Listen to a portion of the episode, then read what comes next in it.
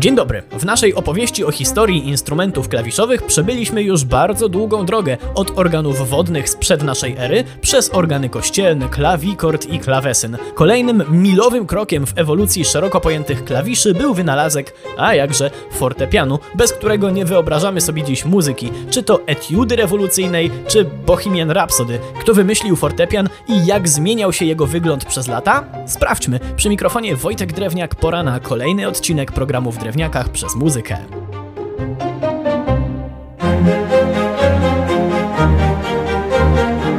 Zacznijmy od kwestii dla niektórych oczywistych, a dla innych niekoniecznie. A zatem jak wygląda fortepian? Każdy niby widzi, jak wielkie drewniane skrzydło, jednak wystarczy podejść trochę bliżej i zajrzeć do środka i okaże się, że jest tam całkiem sporo skomplikowanego ustrojstwa. Świerkowa płyta rezonansowa, żelazna rama z metalową strojnicą, no i oczywiście struny zrobione ze stali owiniętej miedzianym drutem.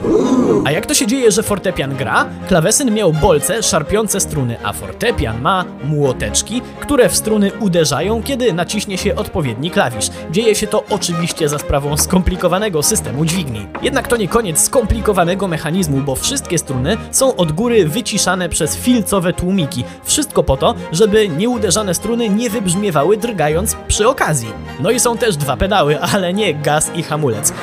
Prawy podnosi wszystkie filcowe tłumiki, żeby wszystkie struny mogły wybrzmiewać. To powoduje może trochę większy chaos w brzmieniu, za to dźwięk staje się bardziej doniosły.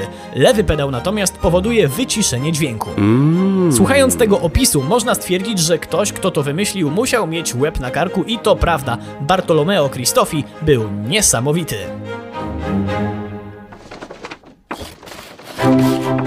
Konstruował on klawesyny na florenckim dworze. Nie był jednak tylko rzemieślnikiem, a gościem, który uwielbiał eksperymenty. Wreszcie stworzył zupełnie nowy instrument, który nazwał opisowo klawesynem potrafiącym grać i cicho, i głośno. Tak powstał fortepian, który dokładnie opisał w swojej pracy z roku 1710. Jak już wiemy, podstawową różnicą między fortepianem a klawesynem był mechanizm uderzający w struny. Wiemy już zatem, że ten przełomowy fortepian powstał we Włoszech, jednak na ostateczny kształt tego instrumentu zrzucili się konstruktorzy z całej Europy. Niezły ubaw musieli mieć przede wszystkim niemieccy konstruktorzy, którzy próbowali wprowadzić różne udogodnienia, np. tłumiki ze skóry, dźwignie kolanowe czy umieszczenie aż sześciu pedałów. Jeden z nich był szczególnie ciekawy, bo naciśnięcie go uruchamiało taki prosty moduł perkusyjny.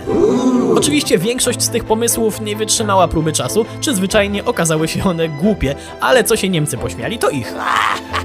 O wiele praktyczniej podeszli do fortepianu angielscy konstruktorzy. To oni wysunęli klawiaturę do przodu, żeby można było widzieć dłonie grającego i ostatecznie postawili na dwa pedały, nadając fortepianowi znany dziś kształt. Kolejne zmiany dokonane w XIX wieku były już w zasadzie kosmetyczne, co oczywiście nie znaczy, że nie były ważne. Cały czas eksperymentowano z właściwościami akustycznymi konkretnych rodzajów drewna, z dynamiką klawiszy.